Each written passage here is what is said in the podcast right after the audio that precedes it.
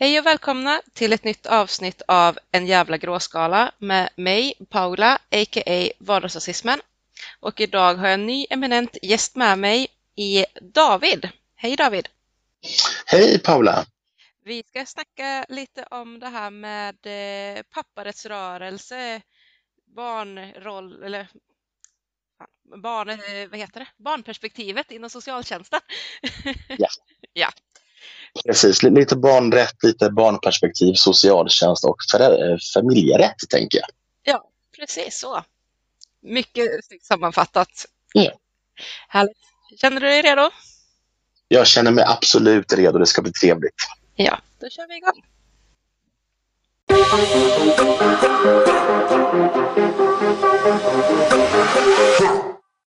Så, hej igen David.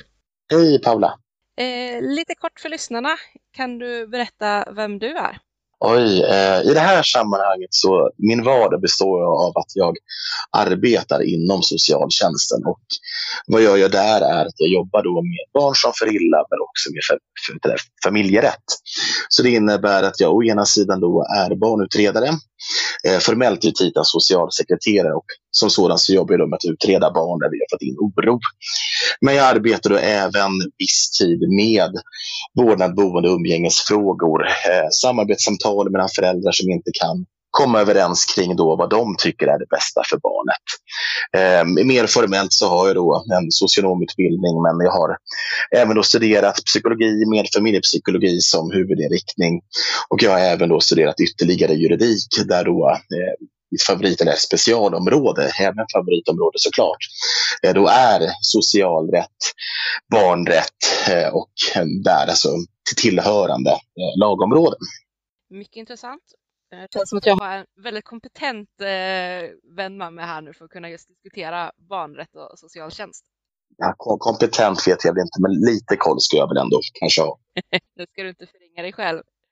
Nej. Nej. jag vet inte hur, hur du upplever det, men som någon som hänger väldigt mycket på sociala medier och mm. eh, en hel del i eh, eh, familjegrupper, eller ja, föräldragrupper på olika sätt, så upplever jag att det finns en väldigt negativ syn av socialtjänsten. Eh, framförallt då när det kommer till just det här med att eh, hjälpa barn. Och kanske i synnerhet då en syn om att socialtjänsten på något sätt skulle vara någon typ av trollfabrik som kastar ut sina små troll som springer omkring och kidnappar barn liksom, från föräldrar som inte har gjort någonting ont alls. Känner du igen den bilden och är det någonting du själv upplever att det är, lite samma som tidigare eller kan eh, sociala medier hjälpa till där och sprida en mer negativ bild av vad socialen gör? Ehm, det finns egentligen inget direkt och kort svar på en sån fråga. Ehm, till att börja med så förväntar jag mig, det är min ingång i mitt eget yrke, att eh, man har en viss ödmjukhet inför framförallt de föräldrarna vi möter. Ehm, mina klienter, det ska man också komma ihåg, det är inte föräldrarna utan det är alltid barn. Och det, det, innebär ju att de föräldrar jag möter, det, det, det finns ett inbyggt, eh, en inbyggd spänning däremellan att de är ju möter mig i mitt jobb utifrån att samhället strukturellt, eller samhället utifrån lagstiftning, samhället utifrån andra professionella som möter deras barn, ser någonting som skaver. Um, och det, det, gör ju att um, det, det, finns ett maktperspektiv. Jag sitter i, i, i, mitt, alltså i min myndighetsutövning på en väldig makt. Jag är i position att om jag så bedömer det fatta beslut som absolut påverkar eh, föräldern i, alltså, i, i det mest privata, alltså i relation till deras barn. Eh, däremot om man då ska sätta det i koppling till sociala medier så är det ju mera Ehm, det, det, det, kan väl låta lite ursäktande och det, det, är inte så jag menar. Men det, det finns idag alltså en väldigt stark klickjournalistik. Um, ehm, de, de traditionella medierna de lyfter fram berättelser som oftast blir väldigt ensidiga. Det är en upprörd förälder som känner sig felaktigt behandlad. Eh, däremot så kommer ju sällan en komplett bild fram i den medierapporteringen. Eh, vi från socialtjänstens sida vi kan aldrig gå in och kommentera det enskilda fallet utan vi låter mera som någon slags politiker som hakat upp sig likt en papegoja på repeat. Där vi då säger att vi kan inte kommentera det enskilda ärendet och så kommer ett generaliserat svar. Och det gör ju att det som pågår i sociala medier för mig är ju någonting jag ser som en upprörd förälders Eh, egna kampanj utifrån hur den uppfattar sin verklighet. Men det är en subjektiv verklighet eh, och där makten faktiskt har förändrats.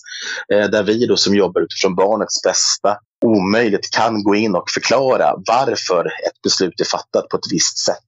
Ja, det är ju ett ständigt återkommande problem när de här diskussionerna uppstår. Att å ena sidan står föräldrarna där och kan säga nästan vad som helst. Och å andra sidan socialen där och har strängaste sekretess och får inte kommentera på, på besluten eller på vad som egentligen har hänt. Ja. Eh, alltså, om man tänker bort så ser det familjerättsliga, man inte tänker att eh, det alltså inte handlar om den frågan om boende, vårdnad och umgänge, utan att det handlar kort och gott om där ett barn då placeras i vad som brukar kallas för fosterhem, som vi då kallar för familjehem. Eh, det är ju någonting som bygger på lagstiftning. Och eh, generellt sett så innebär det att alltså, ett av grundkraven i eh, LVU1, LVU2, LVU3, alltså första, andra och tredje paragraferna i då lagen av vård av unga, eh, för att vi ska ens kunna placera ett barn mot föräldrarnas vilja och även mot ett äldre barns vilja så krävs det att det inte finns ett samtycke. Och det innebär ju att de föräldrar som går ut och då är upprörda, det är ju då faktiskt utifrån hur lagen är formulerad. Föräldrar då som har valt att inte ta emot olika eh, stödjande insatser som socialtjänsten då har erbjudit för att hjälpa familjen att komma till rätta med vad problem då var. Och det innebär ju då att eh, om man ska vara väldigt, väldigt fyrkantig så är ju LVU kanske snarare då eh, ett bevis på förälderns eh, grundläggande inställning. En förälder som medger sitt eget problem, en förälder som även om det inte är medieproblemet, men ändå är mottaglig för eh, att, konstatera att utomstående personer objektivt har bedömt att det behövs någon form av insats för att stötta kring barnet. Om föräldern tackar nej till det så säger det faktiskt en hel del också om förälderns föräldraförmåga, tyvärr. Mm. Ja, jo, men det, för min del så, så låter det väldigt, väldigt rimligt mm. eh, på många sätt. Men eh, det är väldigt spännande på ett sätt just med sociala medier när man ser de här olika svängarna. När man mm. ena sidan har då de här som hävdar att ja, men socialen i princip bara kommer och tar barn, de har ingen grund för någonting och, eller så ljuger de ihop någonting för att kunna ta barn. Och sen mm. ser man å andra sidan folk då som är nästan lika frustrerade över det här att de tycker att de har eh, anmält upprepade gånger till socialen med olika bevis på något barn som får illa och ingenting händer. Ja. Ehm, och, och, och, där kan jag ju absolut utifrån, såklart subjektivt, men min personliga erfarenhet utifrån min yrkesutövning, det är ju då att den sista kategorin människor, de du nämner, att det faktiskt är där som sanningen kanske snarare ligger. För, för att vi ska kunna ingripa så, så krävs det ofta att vi till att börja med för att vi ens ska komma till ett placeringsläge så är EU så säger lagkraven att vi faktiskt ska ha testat väldigt mycket innan. Vi ska ha testat alla frivilliga vägar. Vi ska ha testat mjukare medel innan vi på något sätt går till då en placering. Eh, när man då vänder på tar den här första varianten du nämner att folk är upprörda för vi kommer där och bara tar människors barn så är ju det, alltså det är en direkt omöjlighet. Um, utgår jag så att säga från uh, de ärenden där jag tvingas då, min, min bedömning blir att här krävs det en placering för att det är det bästa för barnet så innebär det att jag lägger fram då som handläggare ett beslutsunderlag. Jag skriver ett förslag. Eh, sen är det min egen då enhetschef som är den som formaliserar mitt, eh, alltså själva beslutet. När det beslutet är fattat, eh, är det så att ett akut omhändertagande som krävs, men då är det ordföranden i socialnämnden som då tar det beslutet. Därefter ska det beslutet fastställas i förvaltningsrätten.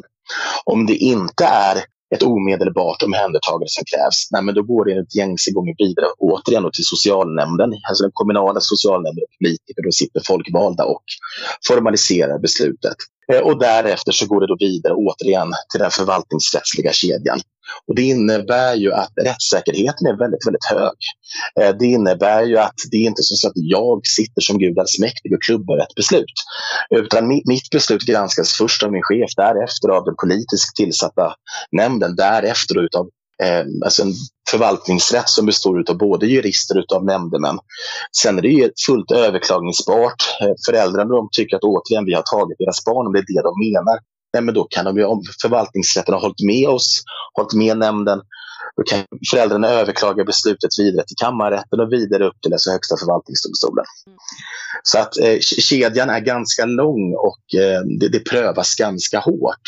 Och eh, det, det, är bara några veckor sedan som jag själv fick bakläxa på en, en placering där förvaltningsrätten då eh, inte tyckte att vi hade tillräckliga skäl eh, för en placering. Eh, och, och, och, då sker ju inte placeringen kort och gott. Nej, precis. Nej, alltså så man säger, min egen uppfattning, eller det som jag har upplevt, det är ju mer också just nummer två, att man försöker verkligen flagga att här är det någon som råkar illa ut. Men eh, socialen av olika skäl får ingen möjlighet att ingripa eller det tar lång tid innan det går att ingripa mer handfast just för att det är så mycket annat som måste provas. Mm. Det, det, det, är ju en väldigt komplex situation där. Um, till att börja med så det, det, ser olika ut runt om i landet. Eh, och det beror ju sin tur, det beror även där lagstiftning som styr. Varje kommun alltså har ett kommunalt självstyre i, i, i landet. Eh, socialtjänsterna runt om i landet sorterar in den kommunala organisationen. Och det innebär ju också att respektive kommun sätter olika budgetar. Och det är någonstans, även fast vi då som socialsekreterare så tänker man aldrig, aldrig budget. Men det blir fortfarande så att man kanske i kommunen inte har eh, tillräckliga resurser. Man kanske inte har satsat tillräckligt mycket på en behandlande funktion. Och då innebär ju det att det blir en orättvisa kommuner emellan. Men det gör ju också att det väldigt, väldigt ofta saknas resurser. Mm. Jo, det, det är ett återkommande problem. Det märker jag själv nu när jag har tagit steget in i lokalpolitiken. så. Att det är ständigt de där pengarna. Eh, ja. och gärna besparingar på vissa saker för att kunna bygga skrytbyggen på andra ställen. Men nu, eh, detour. Samtidigt, vi har ju det här man kallar för papparättsrörelsen som eh, i mångt och mycket också är ganska, ja, det, det, finns det är förgreningar men den har varit väldigt tätt sammankopplad också med eh, det man kallar för mansrättsaktivister. Och min upplevelse personligen av papparättsrörelsen är att ja, jag kan inte säga någon så för procentfördelning om det är 50-50 eller 70-30 eller någonting, men det, det, är en viss fördelning att vi har, man säga, de, de genuina papparättsaktivisterna, de som verkligen har blivit hårt baktalade av äh, den andra föräldern till äh, barnet som får kämpa skiten ur sig för att ha en möjlighet till, ett, till en bra relation till sitt barn. Mm. Sen kommer eh, de mer rena puckorna, alltså de som egentligen har sumpat rätten att vara förälder till, till sina barn. Men som då lite hijackar papparättsrörelsen för att på olika sätt försöka förändra egentligen i svensk lag eller åtminstone i svensk myndighetsutövning så att mm. det ska bli ja, jag säga, ännu svårare eh, för framförallt barnen då att bli trodd när de har eh, yttringar kring, eh, kring sina föräldrar. Mm. Ser du på den grejen? Är det någonting du har lagt märke till? Um, absolut så ha, har jag på olika sätt haft kontakter med eh, både en typ av fäder eh, som du beskriver men också eh, samma typ av förälder fast då av andra könen eh, än det manliga. Ehm, jag, jag, har också mött företrädare, så jag brukar själv faktiskt Eh, hänvisa om jag möter en pappa som är eh, uppenbart i utsatthet. Jag kan ju inte möta pappan i, i, i hans enskilda Jag jobbar utifrån barnet och lagstiftningen har fokus på barnet. Eh, men, men, det händer att jag framförallt till en organisation som heter Pappa Barn som eh, är en av de större organisationerna men som också jobbar eh, relativt seriöst i sin verksamhet så händer det faktiskt att jag hänvisar pappor dit eh, snarare än att jag hänvisar dem till specifika eh, så säga, familjerättsadvokat. familjerättsadvokater. Jag kan omöjligt så säga så, som myndighetsperson hänvisa till specifika eh, företrädare men jag kan ju absolut skicka den vidare till en organisation som då har information Eh, däremot så är jag personligen, och eh, det, det vill jag väl betona till min personliga åsikt, men eh, i, i, relation till hur lagstiftningen ligger så är ju min åsikt att oavsett om vi pratar papparätt eller mammarätt eller vad vi vill sätta för epitet, alltså jag, jag könar inte så gärna de här frågorna. Eh, det, det som är centralt så är det så att hela föräldrabalken bygger på att det är barnet som då har en rätt till en nära och god relation till bägge sina biologiska föräldrar, så som det uttryckligen står. Eh, och det där är ju i sin tur en formulering som är hämtad rakt utifrån barnkonventionen, alltså EKMR vidare till FN-stadgan. Eh, vilket också innebär att just de här specifika paragraferna i föräldrabalken som hela, alltså, allt kring vården, boende och umgänge utgår från, får ju en ännu starkare ställning nu till årsskiftet när barnkonventionen då fullt ut blir svensk lagstiftning. Och det innebär ju att eh, i det ögonblick vi börjar tala om pappors rätt till barn eller mammors rätt till barn så eh, har vi helt tappat vad det egentligen handlar om. För är det någonting då som är det centrala i lagstiftningen så är det att föräldrarna har faktiskt bara skyldigheter till sina barn. Medan barnen då är de som faktiskt har bara rättigheter i relation till sina föräldrar. Precis. Ja, men det um ofta, skulle jag vilja säga, som, som barnperspektivet har en tendens att försvinna när vi mm. diskuterar kring, eh, kring föräldraskap. Och det är någonting jag var inne på även lite lös när jag hade avsnittet kring adoption. Att man mm. glömmer bort det där med, med barnperspektivet. Det blir väldigt mycket, man pratar om att adoption är för att det är, barnet har rätt till en kärleksfull familj. Men sen helt alltså, i all annan retorik så är det föräldrarnas önskemål, föräldrarnas vilja, deras längtan, deras behov som, som ligger i fokuset. Mm. Och jag kan se lite de tendenserna också just när det kommer till ja, pappa eller mammarättsrörelse, att oberoende av om det är föräldrar som faktiskt inte har varit lämpliga föräldrar eller föräldrar som blir baktalade att det blir väldigt mycket, jo men jag har rätt att träffa mitt barn, min rätt till umgänget och så vidare. Och det, det, det, är ju där det oftast uppstår dessutom av de här konflikterna som blir mediala. Eh, grunden i allt familjerättsligt, oavsett om vi då talar i den delen av det familjerättsliga som, ting, eh, som förlåt, familjerätten. Familjerätten är då, eh, om jag bara då kort ska förklara hur, hur funktionerna hänger samman, så är familjerätten en del av socialtjänsten. Eh, däremot så är det ju alltid tingsrätten som är första instans i rättskedjan som fastställer hur vårdnad, boende och umgänge ska fördelas.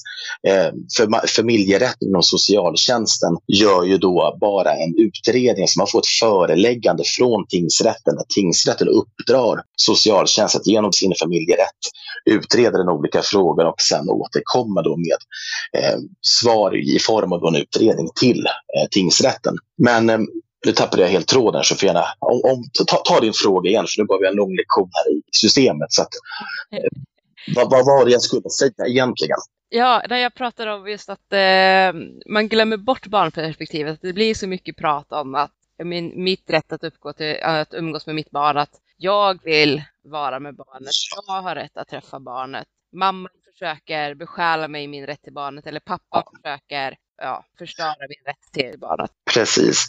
Eh, och, och, och som sagt, det, det var ju det jag skulle komma till då att eh, oftast när ärendena går så att säga fel så är det ju när föräldrar fastnar i föräldraperspektivet. Eh, och där, där, finns det ju, alltså jag, jag har själv åtskilliga exempel, men eh, o, oavsett vad, vad det landar i så är det ju oftast att eh, har jag missnöjda föräldrar så är ju det föräldrar där jag då har utgått från barnets rätt. Jag har låtit barnet komma till tals. Eh, barnet har, återigen utifrån föräldrabalken, eh, är barnet sex fyllda men inte tolv så bör vi låta barnet komma till tals.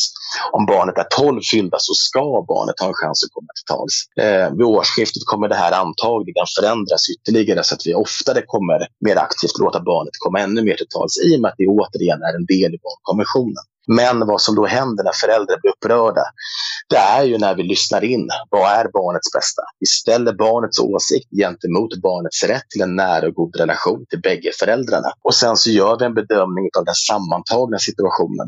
Hur ser det ut hos mamma? Hur ser det ut hos pappa? Hur funkar umgänget? Hur funkar inte umgänget? Hur kan föräldrarna samarbeta? Ehm, och där är ju nästa faktor som också då blir relevant i så att säga, hela den här eh, situationen. Det är en ganska komplex situation dessutom, ska man ha klart för sig. Men om man tänker att föräldrarna, så att säga, i termer av vårdnad, så handlar ju vårdnad om att man ska fatta beslut kring barnet. Vad är det bästa för vårt barn? Kan föräldrarna inte samarbeta? ja, men då kommer ju inte beslut kunna fattas runt barnet. Därav att man i de lägena termer av vårdnad. Om föräldrarna då inte kan samarbeta så blir vårt förslag eh, att den ena parten ska då ha en ensam vårdnad. Sen har ju tingsrätten i sin tur olika praxis som de följer. Eh, de har dessutom lagar som säger att om bägge föräldrarna har yrkat på ensam vårdnad, nej men då kan inte tingsrätten döma till annat än den ena parten får ensam vårdnad och så vidare och så vidare. Men generellt sett vad som ändå händer i de här lägena, det är ju att föräldrarna blir förbannade på oss i socialtjänsten när vi, så att säga, så som de uppfattar det, inte köper deras rätt till sitt barn. Och eh, det, det ligger ju i sakens natur. Och, om jag älskar mitt barn, jag tycker jag ju såklart, jag har satt där till världen, jag har lagt tid och kärlek och pengar på det. Och så säger någon att jag ska tillbringa mindre tid med det här barnet till följd eller till förmån för en förälder som jag själv kanske rent av känner hat till det säger sig självt, det blir väldigt laddat och det är eh, ett stort utrymme i det att då de här eh, diskussionerna som då sker i sociala medier alldeles uppenbart eh, också då får en grogrund. Ett, ja, det är inte supernytt begrepp egentligen, men det är relativt nytt i Sverige att diskutera. Det är ju det här med PAS eller PA, på svenska då föräldraalienering. Mm. och det börjar ju komma allt mer påtryckningar som jag upplever i alla fall, från, från olika håll om att det här är en diagnos som användas utav i svensk eh, myndighetsutövning. Eh, ja. så, eh, vad kan du säga om den här diagnosen? Jag har fått tidigare, nämligen från någon som jobbar inom socialen, att man använder eh, PA, alltså mm, ja, föräldraalienation då, som en diagnos i den socialtjänsten. Nu kommer jag inte ihåg hon var ifrån. Eh, det är jätteviktigt här, förlåt att jag avbryter, men det är jätteviktigt att eh, hålla isär begrepp och hålla isär vetenskapsområden. Eh, tar man PAS, alltså Parting Alienation Syndrome, eh, det är alltså en ren pseudovetenskap. Det är eh, en amerikansk herre, tror jag det är, som eh, li lite på egen feeling då har, har eh, formulerat det här då så som någon slags eh, psykiatrisk eller psykolog eller psykiatrisk diagnos är det ju. Eh, och eh, det saknar helt och hållet grund. Eh, det är ingenting som finns med i, eh, så att säga, varken i eh, DCM-5 eller i CD10 då som är de klassifieringssystem som då svensk psykiatri använder sig av. I, I, relation till socialtjänst så vi gör ju aldrig psykiatriska eller psykologiska bedömningar. Det vore tjänstefel av oss så skulle vi lägga in egna sådana bedömningar eh, någonstans så skulle ju JO ge oss ganska eh, mycket pisk.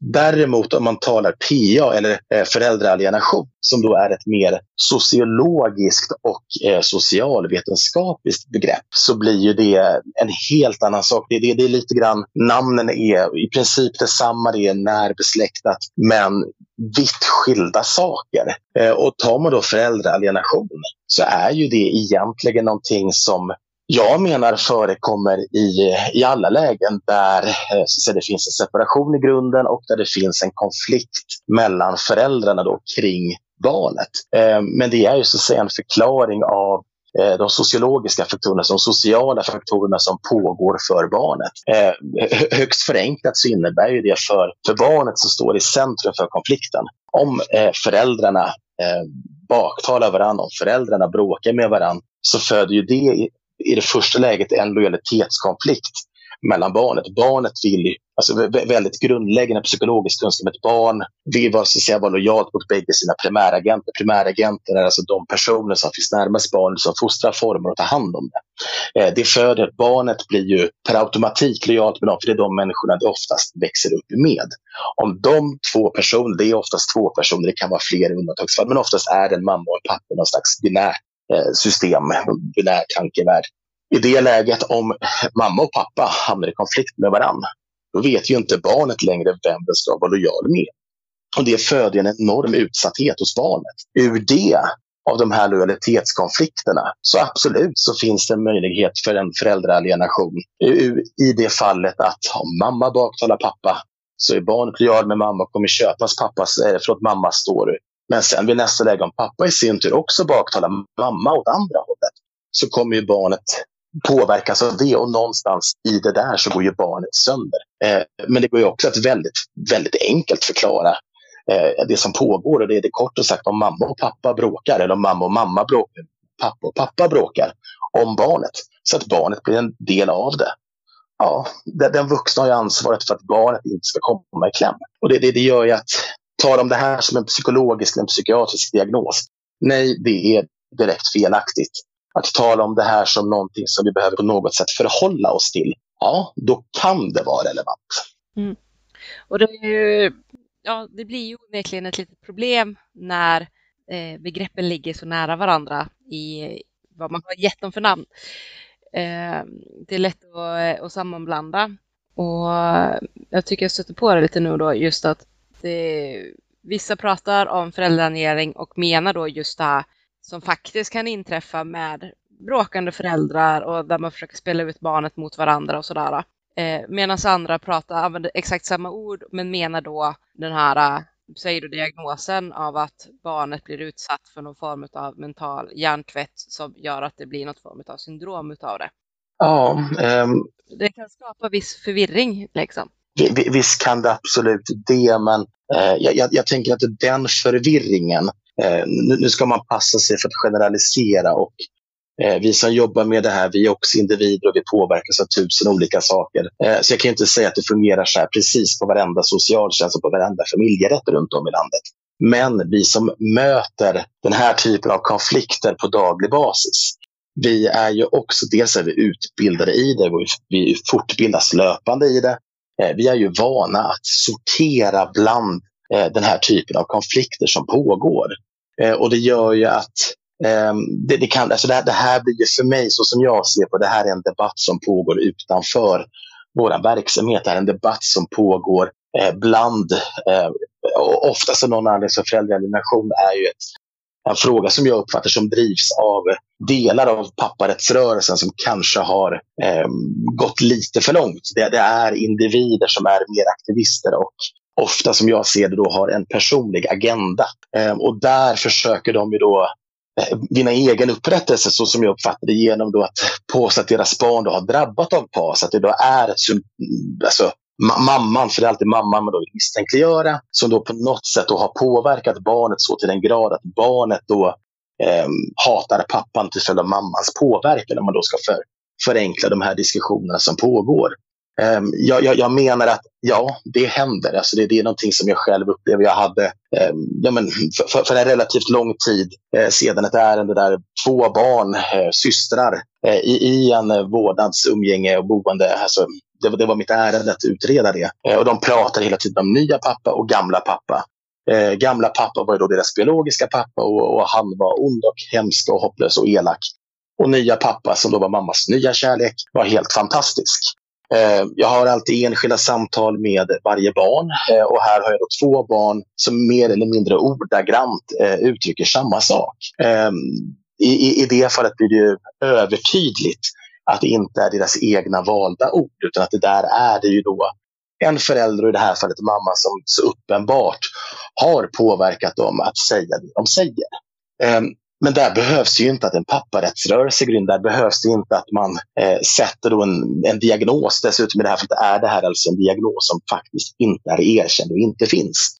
Eh, utan kort och gott så är det ju någonting som vi är utbildade på och väldigt vana att, återigen som jag sa tidigare, att sortera bland. Eh, vårt jobb är att utreda barnets bästa. Vårt jobb är att låta barnet också komma till tals. Eh, i, I det så innebär det också att vi faktiskt Ibland är det svårt, det ska jag erkänna, men ändå alltid se till att vi sorterar bort vad som då är någon som har påverkat ett barns fria vilja. Det ligger i vårt uppdrag återigen att utgå från barnet. Det är barnet som är våra klienter oavsett vilken typ av ärende så att säga, vi har. Mm. Det, det jag tycker mig se, eh, just när det kommer till de som vi börjar prata om, om PAS, alltså själva den syndromdiagnosen som egentligen inte finns, eh, det, det är ju det här att man går in på att det inte bara är att barnen uttrycker en ovilja mot föräldern, utan just när det kommer då eh, anklagelser om övergrepp. Mm. Och jag tänker att med, med den lojalitet som barn normalt känner för sina föräldrar, båda sina föräldrar, eh, även i situationer där det förekommer eh, övergrepp på riktigt, så skulle jag säga att det är ju nästintill omöjligt att lyckas få barn så manipulerade att de börjar hitta på eh, grova övergrepp. Att kunna manipulera dem till att börja säga nej men pappa är dum. Eh, utan oftast blir det ju då att ja, men pappa är dum men det kommer inga mer exempel eller mamma är dum men du kommer kunna säga något konkret exempel på hur de är dum. Bara att de är dumma. Jag vet ju själv att mina barn får ju sådana ryck emellanåt. Eh, där de tycker att man är den dummaste någonsin. Eh, och hade mm, man då varit en mer manipulativ typ av förälder så hade man ju såklart kunnat utnyttja det till att försöka liksom att ja, jag håller med, pappa är jättedum liksom och försöka bygga på det. Men då hade det inte heller funnits de här väldigt specifika typerna av exempel på våld och övergrepp och kanske framförallt sexuella övergrepp som är väldigt vanligt. Medan den här diagnosvarianten av att prata om föräldraanimering från den här amerikanska kokogubben eh, väldigt mycket ifrån det här att misstänkliggöra barnens berättelser när de pratar om övergrepp. Ja, um, jag, jag, jag, skrattar lite och det, det, det menar jag inte. Um, för, för, för mig är det så infantilt korkat det de här människorna säger. Um, och då ska du ha klart för dig att i mitt jobb så förväntas jag alltid vara saklig och opartisk. Uh, grejen är den att jag möter framförallt då i min huvudsakliga syssla som barnutredare så är jag den som möter de barn som utsätts för sexuellt våld, för fysiskt våld, för psykiskt våld, för allt vad barn, eh, för våld heter och som då riktas från en vuxen till ett barn. Eh, vad man vet, och det är så enormt väl forskat, det är ju att det barnet som då utsätts för övergrepp, det blir väldigt förvirrat, för det älskar ju även den förälder som utsätter den för de här kränkningarna och de här ganska avskyvärda handlingarna. Eh, vilket innebär att det är oftare jag hör ett barn som jag vet att det är bevisat att barnet är utsatt för övergrepp som snarare förnekar övergreppet, som snarare skyddar förövaren. Inte för att den eh, på något sätt är galen, inte för att den har drabbats av något motsatt typ av syndrom, utan för att det är, det ligger i barnets natur, det ligger i Eh, den utsatthet som barnet har i sin position gentemot sin förälder. Eh, då innebär ju det att ställt mot det som då vi har god erfarenhet av, som sagt är välforskat, så visar då de här då som ser PAS som någon slags ett barn det är manipulerat till att beskriva övergrepp. Ja, jo, det finns eh, faktiskt några eh, dokumenterade fall, eh, om vi går bakåt i tiden, 80-90-talet, eh, då det fanns en tid då det liksom inom psykologin Eh, var trendigt att man hade förträngda minnen. Så man satte barn i terapi där behandlarna eh, mer eller mindre planterade sen in de här minnena. Att barnet, för att göra den vuxna till lag, så till slut började säga jo men den här personen har gjort det här och det här emot mig. Eh, det är ärenden som nu på senare år också har lyfts fram och där fäderna har blivit frikända fått ganska saftiga skadestånd från staten för att de har suttit oskyldigt fängslade. Eh, just av den anledningen att nej, det är ofantligt ofantligt svårt att som mamma eh, manipulera sitt barn till att säga att pappa har gjort det här. Om mamma försöker och barnet säger pappa har gjort det här och det här. Återigen, det som då händer från socialtjänstens sida, att vi utifrån skyldighet polisanmäler. Eh, barnahus kopplas in, det blir barnförhör hos polisen, de frågar ur olika vinklar. Vi jobbar vidare med ärendet, vi ställer olika frågor. Någonstans i det så kommer vi, eller polisen, antagligen bägge parter få fram att nej, det finns nog ingen riktig substans i det här. Eh, plus att ibland så kan det dessutom hända att barn säger sådana saker ändå. Men inte för att de har satt under påverkan till det. För att det, det, det blir alltså, det, det, det, ja, vetenskapen pekar ju direkt mot det motsatta. Jag blir väldigt frustrerad när jag hör alltså jag, jag, jag, har ju själv sett liknande diskussioner i sociala medier. Jag har läst eh, insändare och debattinlägg på samma tema. Ehm, och eh, även fast det är väl kanske ett ganska magstarkt uttryck för mig så är det jag ändå menar att det här är ju den förgriparen, alltså det, den man som begår de här övergreppen. Det är ju snarare ett sätt för honom att hitta en väg ut ur att, så att säga, göra den skyldige mannen att framstå som oskyldig. Det kan förstås finnas undantag ska jag tillägga, men generellt sett så är det min uppfattning. Och det är nog ungefär samma uppfattning som jag har också, att när en man kommer och börjar hävda typ PAS som eh, argument till att eh, hans, eh, han har blivit utpekad för övergrepp på sina barn så eh, drar jag öronen åt mig en del. Eh, så. Sen, sen eh, ska man inte förutsätta saker om okända människor, men det blir min, min instinkt mm. kring det hela. Och där hjälper det kanske inte heller att veta eh, bakgrunden hos han som eh, myntade begreppet så att säga med PAS, att han själv eh, tog livet av sig efter att det hade uppdagats att han hade utsatt ett flertal barn för eh, sexuella övergrepp.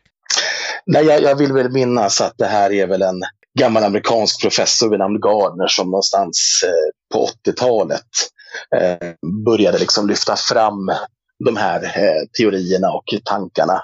Ehm, men, men, det är ändå relevant det du nämner för att man måste också se till vad tider det där kom utifrån 70-talet. Det var en tid då man alltså i den allmänna publika debatten, eh, hur, hur märkligt det än kan låta då 2019, men man förde ändå samtal om barnets rätt till sin sexualitet och liknande.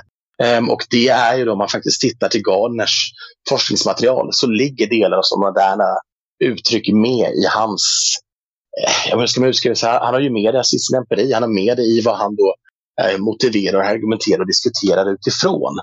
Um, så det innebär att även vem han då var i sin person så är det också någonting som det går att belägga att han också haft med i sin forskning.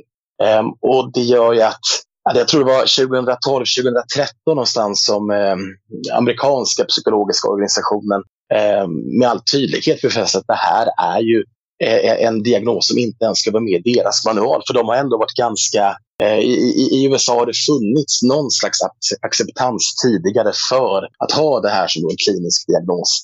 Men eh, sedan 2013 tror jag det, eh, så ligger det inte med ens där. Eh, det påstås ibland i vissa debattartiklar att eh, FN genom något av sina organ då ska ha lyft in det här. Eh, och, och, och, det stämmer faktiskt. Men Eh, det är snarare att man då eh, relaterar till det här som jo, men det skulle kunna vara. Det är inte en specifik diagnos och eh, återigen så är det heller inte i FN som eh, manualerna för diagnosbedömningar sätts. Nej. Nej, det är det att alltså, eh, om man läser hans eh, underlag till hur han har kommit fram till att det här PAS skulle existera så är det ju genom att han har suttit som expertvittne i olika vårdnadstvister själv då ansett sig se vissa typer av drag hos barnen som då skulle bevisa att de utsätts för, för manipulation. Eh, och tar man hans diagnossystem så är det ju liksom en manual just för att hur du kan ifrågasätta barnens berättelse på alla punkter, alltid. Mm. Eh, det, den är uppsatt på sätt som gör att ett barn som berättar om övergrepp kan inte bli trodd om man skulle följa hans. Nej. Så. Men han uttrycker ju också, som säger där, i, i det här med barn och sätter sin egen sexualitet och sånt där, att eh, det här med övergrepp på barn inte är skadligt för barnen egentligen, utan det är omgivningens reaktioner som gör det skadligt. Mm. Så att om omgivningen inte reagerar negativt på, på att man våldtar ett barn så kommer barnet inte heller att reagera negativt på det. Ja. Um, och det där är någonting som man absolut kan eh, ta en lång diskussion med. Det, det, det finns vissa saker där som både psykologisk och sociologisk vetenskap kring processerna i eh, det barn som är drabbat av sexuellt våld. Absolut så finns det delar av den säger som absolut då är eh, relevant. Men eh, det blir ändå så eh, gement dumt att ta den diskussionen för att det är lite grann som att Ja, det, det, det skiner sol på regniga dagar för solen mellan varven står genom molnen men det är fortfarande en regnig dag. Um, på, på, samma sätt så är barnet som utsätts för den typen av gärningar ett utsatt barn.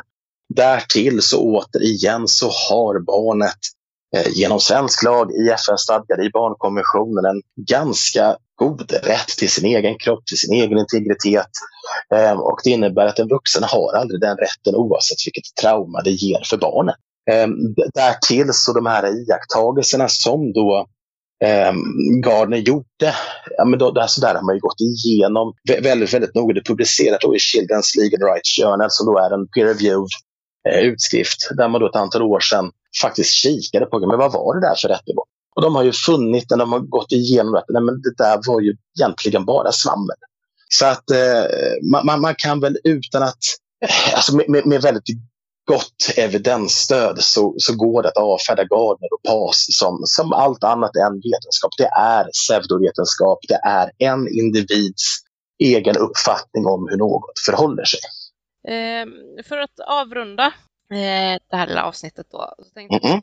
Du har redan varit inne och snuddat på det här att nu blir ju barnkonventionen lag om bara några månader här. Vad är din största förhoppning jag säga, med att vi nu får barnkonventionen som lag? Just utifrån barnrättsperspektiv. Ja, um, det, det, man, man, kan tycka att ja, men det där är en lätt fråga. Vad, vad, vad hoppas jag mest på? Eh, vad, vad, man ska ha klart för sig är att eh, socialtjänstlagen som eh, den har förändrats en bit lite här och där genom utvecklingen, men den har sin grund i början på 80-talet i samma veva som också barnkonventionen etablerades på bred front. Eh, det innebär att svensk socialrätt, framförallt de relevanta paragraferna i socialtjänstlagen som då berör barnen, det bygger redan idag på, på barnkonventionen. Eh, därtill så det här som då också är väldigt relevant, barnets bästa. Eh, barnets bästa, det, det, det är någonting som regeringen Eh, själva då har tillsatt en särskild utredare för då att se till att man får fram ett underlag för att kunna utbilda alla myndigheter i definitionen av det. Det finns en juridisk forskare vid Uppsala universitet, Anna Singer heter hon, hon har forskat jättemycket om barnets bästa som begrepp. Och det finns alltså ingen tydlig definition av vad barnets bästa är. Det är ett eh, begrepp som uppstår någonstans men det definieras hela tiden i relation till någonting annat. Och dessutom i relation till vem som är bäst lämplig i respektive situation att avgöra det hela. Så att jag har väl snarare eh, en del oro. Eh, jag är glad att barnets rätt att till exempel komma till tals, eh, att den stärks. Eh, jag är glad att vi ändå liksom blir tvingade att i alla avseenden följa det här. Men jag ser det också som en risk att vi faktiskt tycker, vi slår oss för bröstet, nej men nu är barnkonventionen svensk lag och allting är frid och fröjd.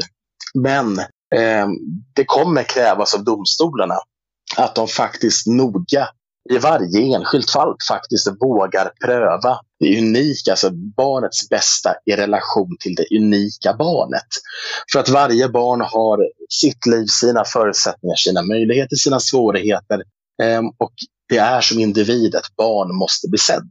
Och där är jag orolig att det snarare blir att vi generaliserar eh, barnets bästa och ser det som ett objektivt begrepp eh, snarare än ett subjektivt utifrån som sagt den enskilda individen. Superintressant svar. Det kickar igång en massa tankar här, men vi har inte hur lång tid på oss som helst, så det kanske blir så att jag bjuder in dig igen. Så får vi fortsätta grotta i det här med barnrätt. Jag pratar jättegärna barnrätt precis när som helst. Ja, det låter jättebra. Jag tackar för jättemycket för att du ville vara med. Tack snälla för att jag fick vara med. Ja, så får vi hoppas att eh, även lyssnarna tyckte att det här var ett spännande avsnitt. Och så kommer ett nytt förhoppningsvis om en vecka igen. Så tills dess så får alla ha det så bra. Du är inräknad såklart David. Tack snälla, ha det bra du med. Ja, hej. hej.